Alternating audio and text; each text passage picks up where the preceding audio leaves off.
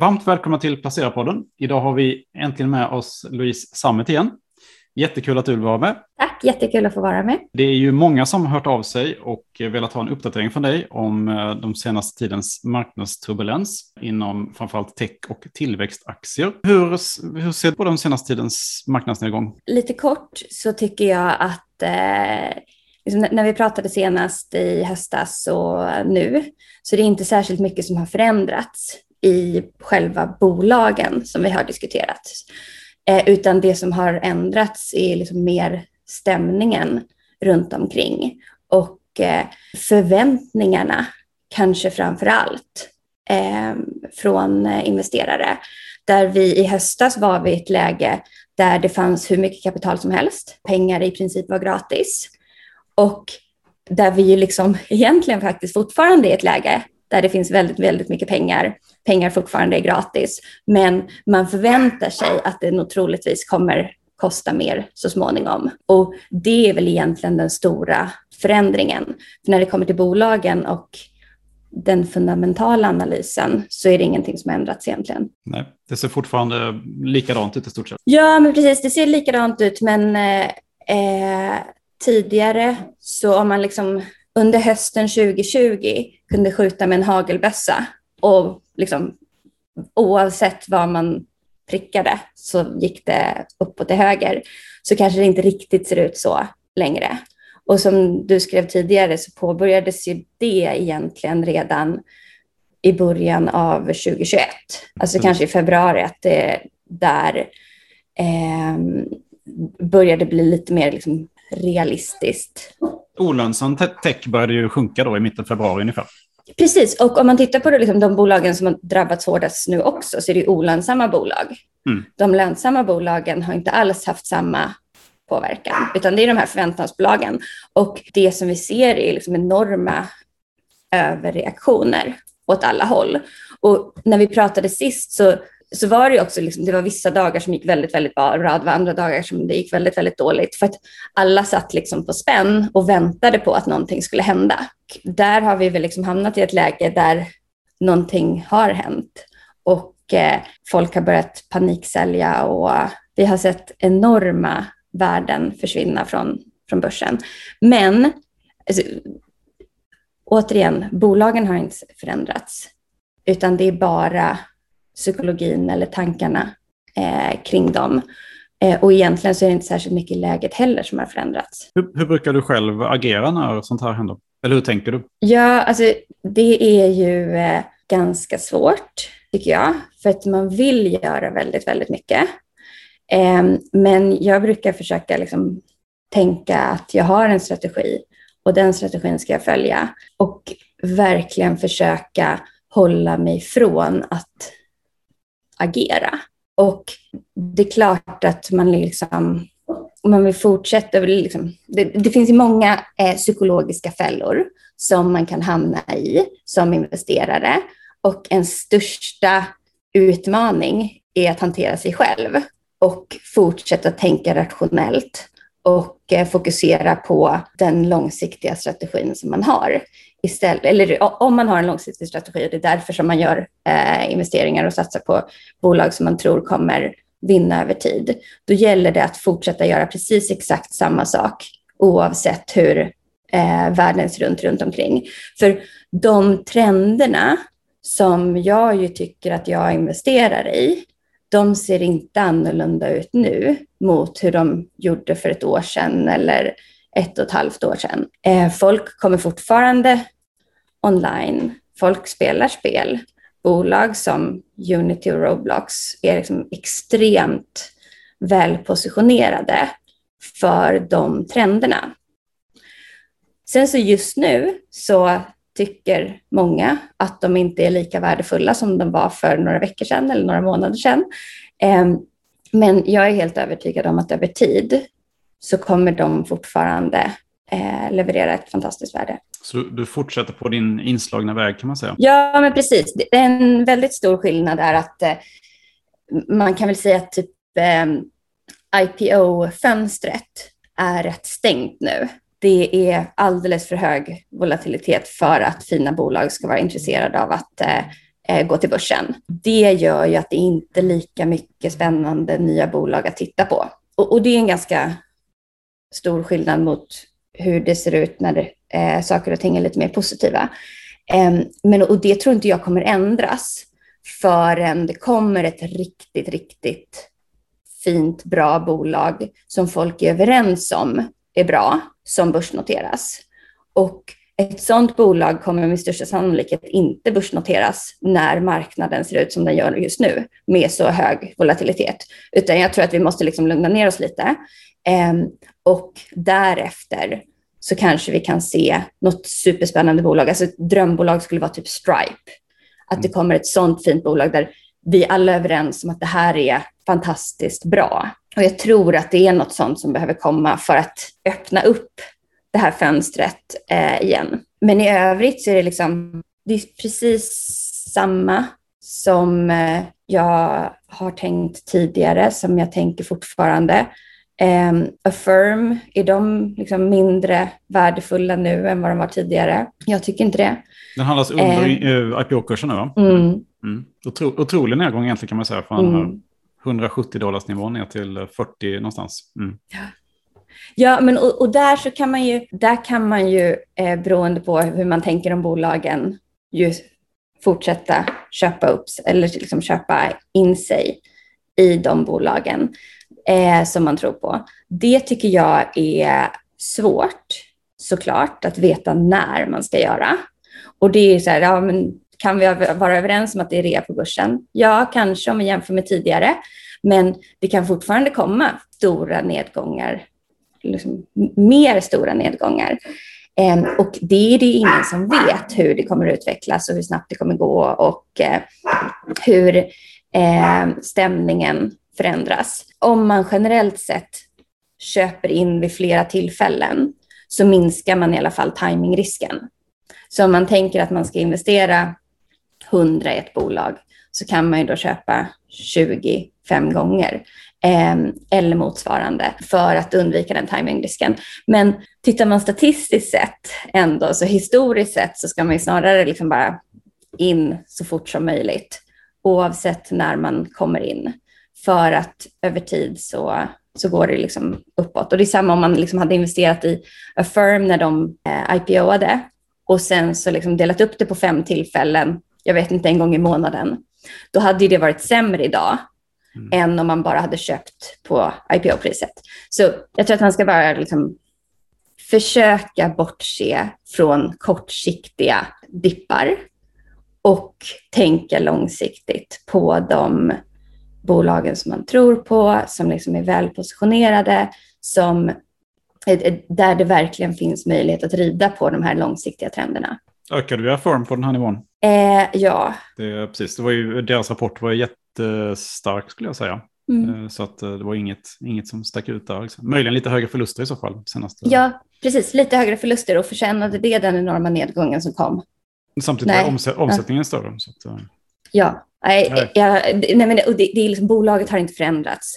Det drivs fortfarande av ett fantastiskt team med fantastiska möjligheter. Det är bara marknadssituationen och förväntningarna som har förändrats. Risken tyvärr är ju att folk som har sett börsen som en möjlighet att tjäna snabba pengar blir avskräckta, säljer, tar sina förluster och går härifrån. Vilket är tråkigt. Ja, det är väl de första som lämnar gissar mm. mm. Men du gör inte så att du, du köper liksom mer så att säga kvalitet eller alltså du, du, du går inte åt det hållet? Alltså du, som, som jag själv till exempel, jag har ju kanske ökat och Atlassian och de här bolagen som jag liksom eh, tycker är väldigt hög kvalitet. När de, när de faller så tycker jag direkt att jag köper. Mm. Jo, absolut. I mean, Atlassian, Nvidia, eh, Palo Alto Networks, sådana mm. som jag ser som liksom riktiga kvalitetsbolag. Mm. Eh, för det är ju så när marknaden överreagerar så överreagerar den överallt. Mm. Och då finns det möjlighet att gå lite djupare kanske i de bolagen. Men då, då tänker jag kvalitetsbolag inom tech.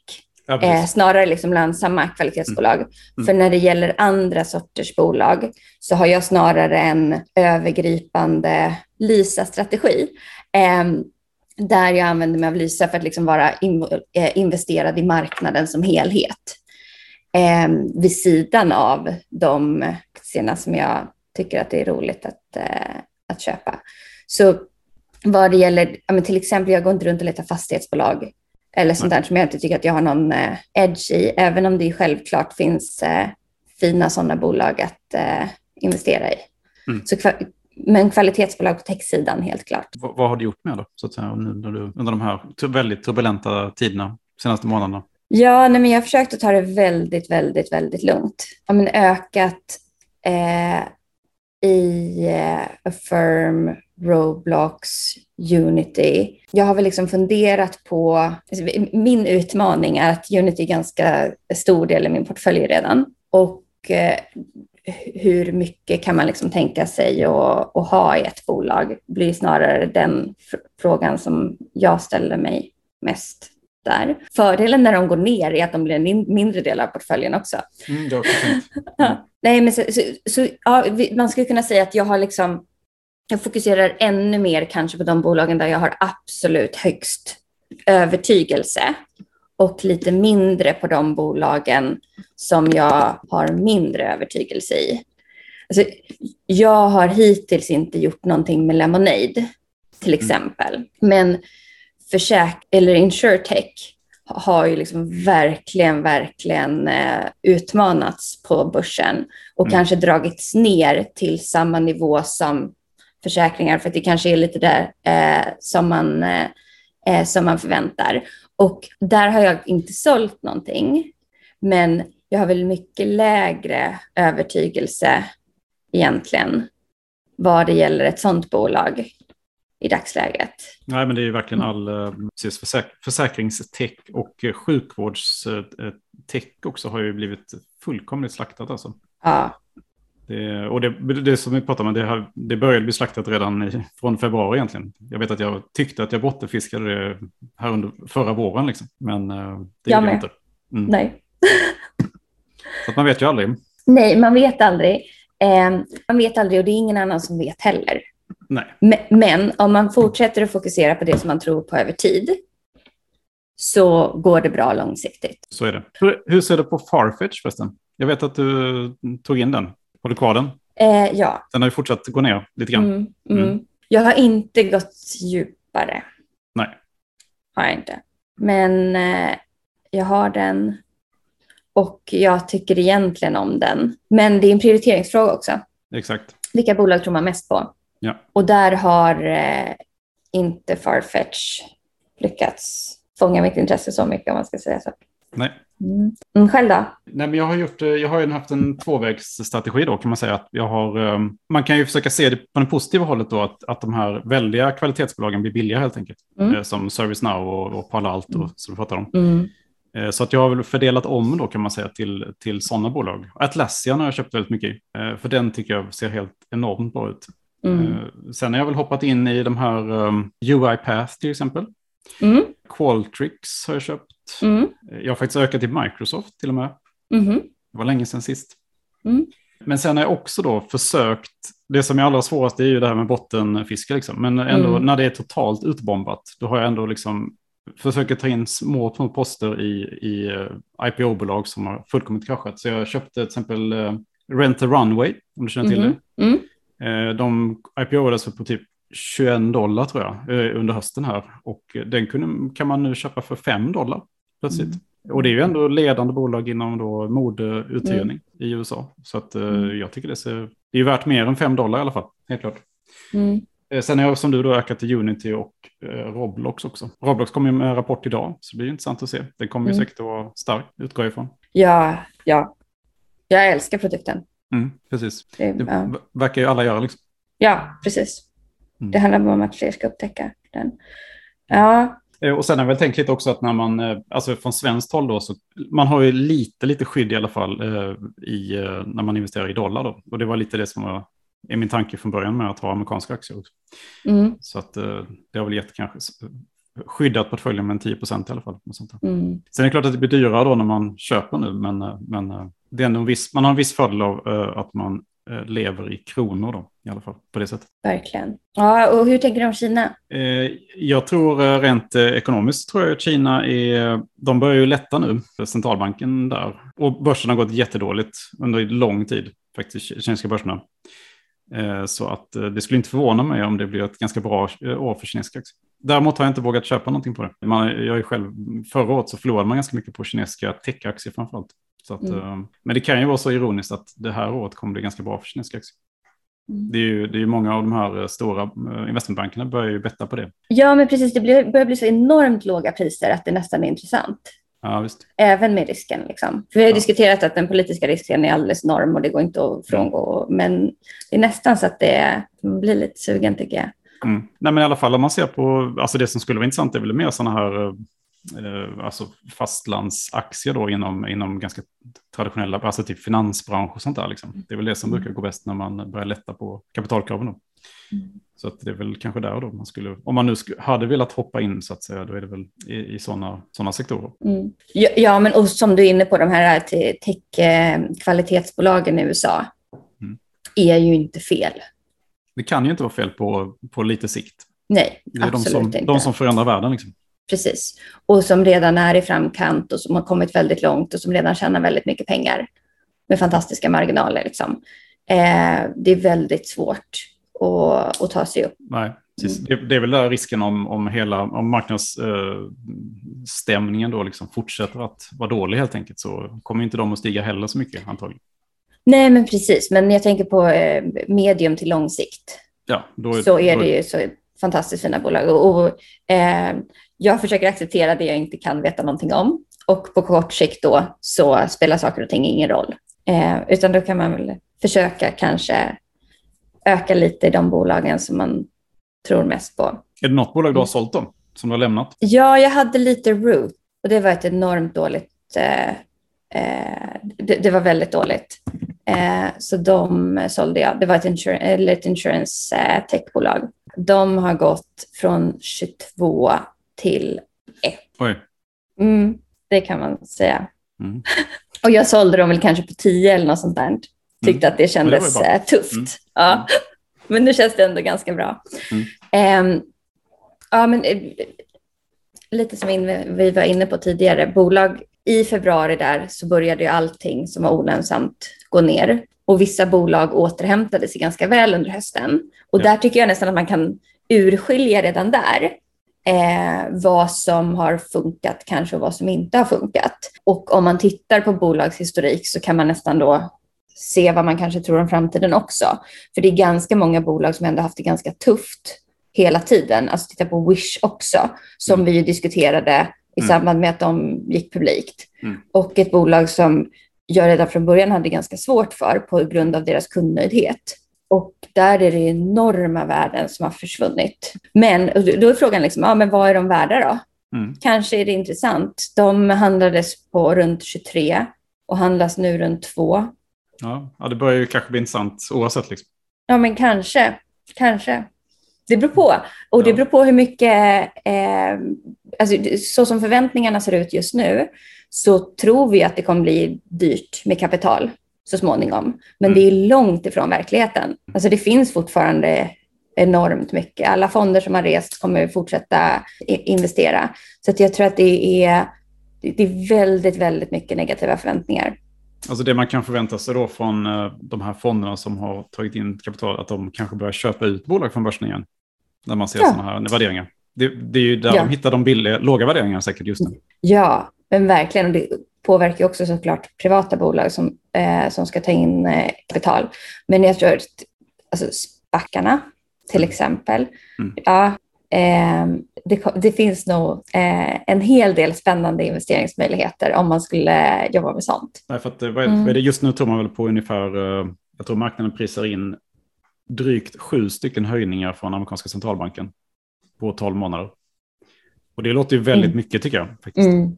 Trots då att inflationen är hög. Men om man tittar, bryter ner inflationen så är det ju hälften av inflationen består av begagnade, pris på begagnade bilar och energipriser. Båda de sakerna är ju liksom, kan ju fluktuera väldigt snabbt neråt. Verkligen.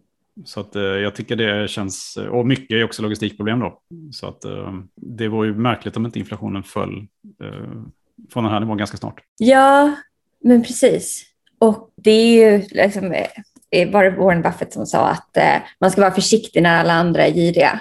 Mm. Och eh, girig när alla andra är försiktiga. Mm. Och just nu så är det väl helt klart ett läge där folk avvaktar eller säljer, Ja. omstrukturerar. Mm. Och särskilt inom tech då. Ja, särskilt inom tech. Sen så är det ingen som, ingenting som säger, alltså det, det kan ju fortsätta gå ner 20 procent till och det är det som liksom är eh, utmaningen hela tiden. Eh, och därför som jag tycker att jag inte ens försöker tajma. För att, som när vi pratade senast i höstas, kanske hade det varit jättebra att liksom bara sälja allt då. Men sen så kan det fortsätta gå upp 20 procent till och 20 procent till innan den där dippen kommer. Och då kanske man liksom aldrig eh, lyckas komma fram. Och det är väl där som jag då liksom försöker att återgå till min strategi. Att nej, jag vill inte vara kortsiktig i de eh, investeringar som jag gör, för att jag kan inte det. Utan jag fokuserar på det jag tror att värde bygg, byggs över tid. Köpte du Truecaller förresten? Nej, Nej, jag vet att vi pratade om den IPOn senast. Det Mm. var precis då. precis. Det var innan eh, de delade siffrorna. Mm. Nej, jag gjorde inte det. Gjorde du? Nej, tyvärr. Det var ju väldigt bra i början. Ja, men det är just det. Det är mycket som är bra i början. Det är, mm, ja, men, och det finns ju också liksom inbyggda, eller en inbyggd mekanik i att gå publikt. För att de går ju publikt för att investerare behöver sälja. Och eh, så är det ju med alla bolag. Men då när det kommer det här utflödet av aktier så småningom när lockup-avtalen eh, går ut och sådär, då finns det ju risk att eh, det fortsätter neråt. Jag tycker nästan alltid att det sätter press på kurserna. När det, Mm. Alltså att man, man ska, jag vet att i Palantir till exempel, Mm. eh, som jag då, jag vet att du köpte inte den, men, men jag Mm. köpte den. Eh, Och den steg jättemycket i början. Och Mm. eh, sen visste man då att lockup var typ någon gång i februari. Och flera hade sagt att de skulle sälja också, så George Soros till exempel. Och den, mycket riktigt så kraschade den ju sen efter det. Men jag tycker det är, det, det är kanske en sak som man, man nästan kan förutsäga. Att det, Ja, men det är också för att de investerarna som har lett in kapital, de får inte betalt för att hålla aktier som ligger på börsen. Så Mm. även om de tycker att det är en långsiktigt bra investering så Mm. hör det till modellen att de Mm. behöver antingen sälja eller rulla ut det på sina egna investerare så att de får välja att göra, alltså som eh, Kinnevik ju gjorde eh, med Zalando. Eh, för det är inte deras eh, eller, de ska inte sitta och ta betalt för att äga publika bolag. Eh, inte Kinnevik då, utan men för, som de fonderna som, eh, som investerar i bolag som par, eh, Palantir. Eh, men sen så har du Sen så har du bolag som Unity ju inte har varit nere och touchat på sitt IPO-pris. Trots eh, eh, lockup och sånt. Så det, det går ju inte att veta, även om man ju självklart kan förvänta sig att det kommer nog gå ner liksom, när lockup-perioden går ut. Men det är inte säkert att det kommer gå ner lägre. Eller, nej men precis. Så återigen, alltså, den bästa strategin är att hitta de bolag som man tror på, köpa dem, gå och göra någonting annat. Precis. Och se till så att du kan äga de aktierna helt enkelt genom den här tuffa perioden. Ja, ja, Så du inte behöver sälja det. precis. Men du säger att det fortfarande finns mycket pengar ute på, alltså, på marknaden. Mm. Men, men sitter de, de pengarna måste vara väldigt osäkra också då, vad de ska köpa i sig i ett sånt här marknadsläge? Ja, men jag tänker framförallt på eh, privata Ja, precis. bolag. Mm. Ja. Mm. Och så som, det, alltså, så som det funkar så har ju fonderna rest en massa kapital nu när det har sett ut så här. De behöver fortfarande investera de pengarna som de har tagit in. Sen så, så kanske det kan bli så att det skapas lite färre nya fonder. Men det är en effekt som vi inte kommer se förrän tidigast om ett år eller två.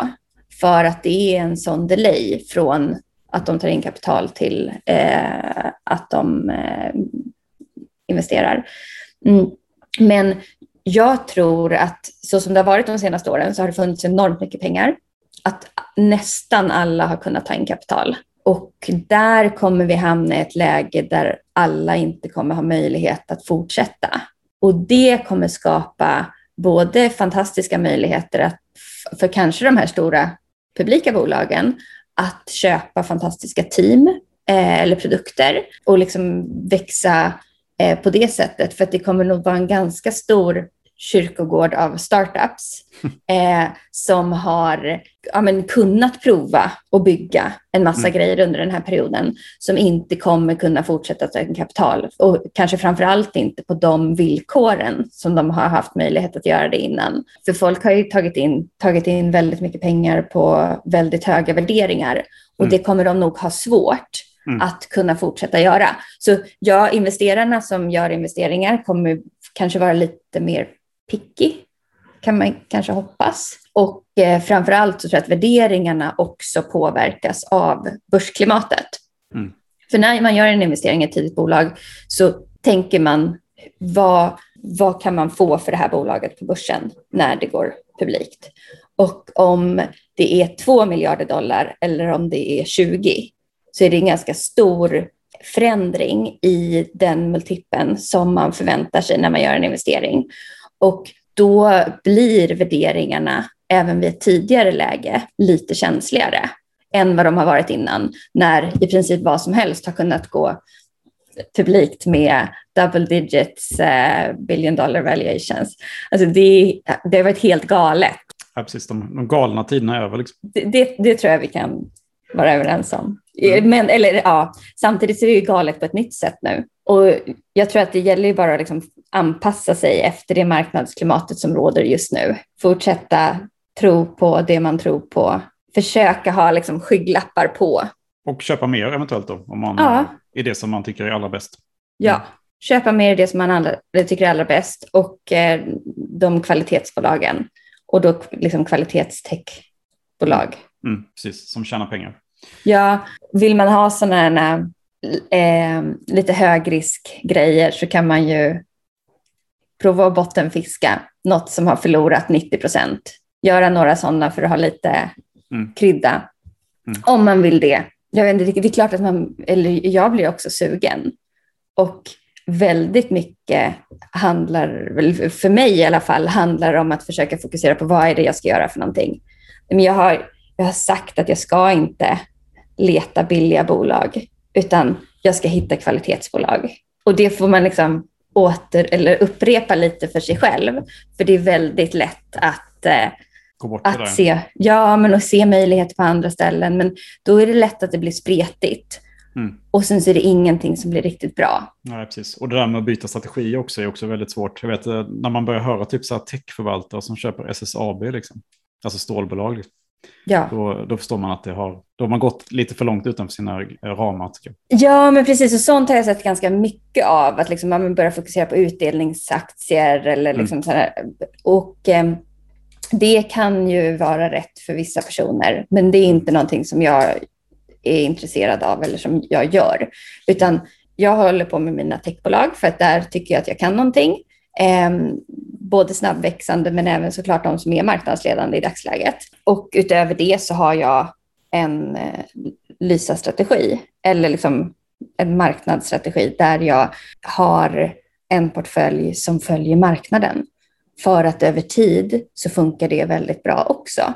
2020 var ett speciellt år där, vi liksom, där det kanske var lättare än i vanliga fall att eh, utklassa marknaden för att det var lättare att se vad som skulle må riktigt dåligt av pandemin och vad som skulle må bättre. Ehm, så, så det året så gick det väl inte så himla bra för liksom marknaden generellt eller som eh, ETFer. Men i, i vanliga fall så historiskt sett så utklassar ju det de absolut flesta stockpickers. Du, eh, hur ser du på, har någon eh, tanke om kryptomarknaden förresten? Ja, men jag har lite krypto. Har ehm, Coin, Coinbase också eller?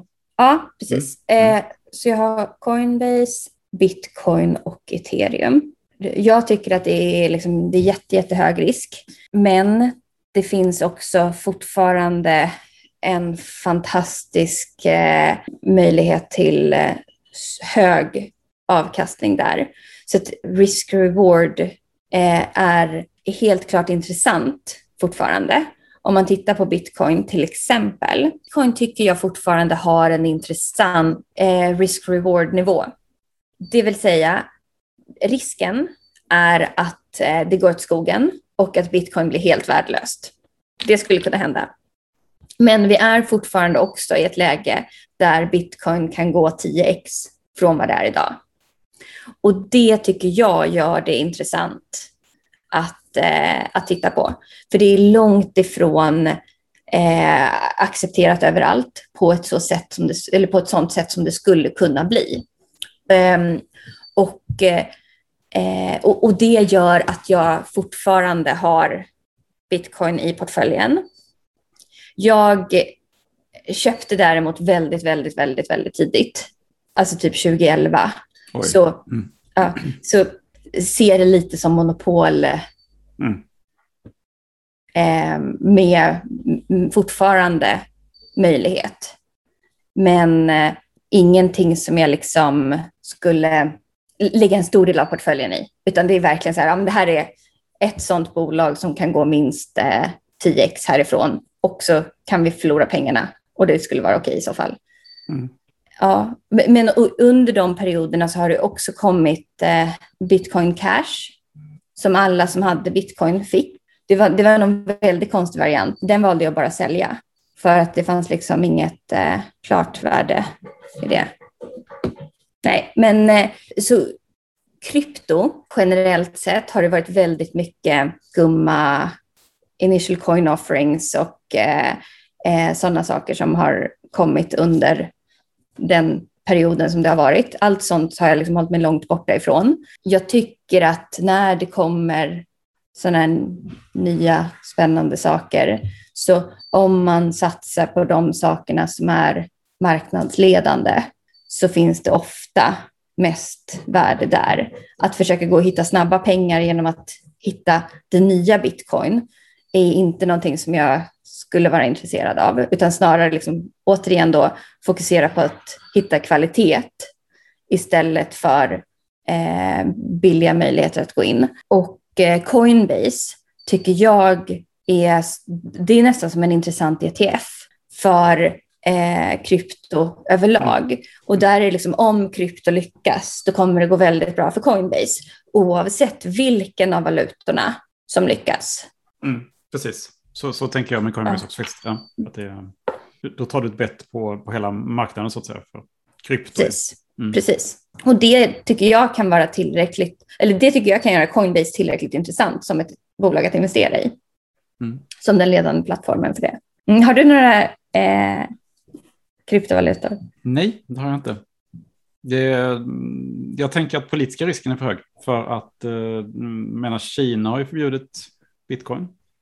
Och jag tror så här att om bitcoin blir ännu mer populärt, att det blir liksom, eh, börjar utmana till exempel dollarn då, mm. då tror jag att eh, det skulle nog innebära slutet för den. Mm. är väl min teori då. Men, mm. mm. Så att den får inte bli för populär heller. Nej. Nej, jag tror att man ska titta på de legala transaktionerna som görs. Mm. Och generellt sett när det kommer till sådana här saker som, eh, ja, men som här att ta fram en ny valuta och bygga ett nytt finansiellt system, så stöter de här bolagen på patrull som gör att man inser varför banker rör sig långsamt. Alltså det finns en anledning till anti-money laundry eh, regelverk och saker som man, man ska ta hänsyn till.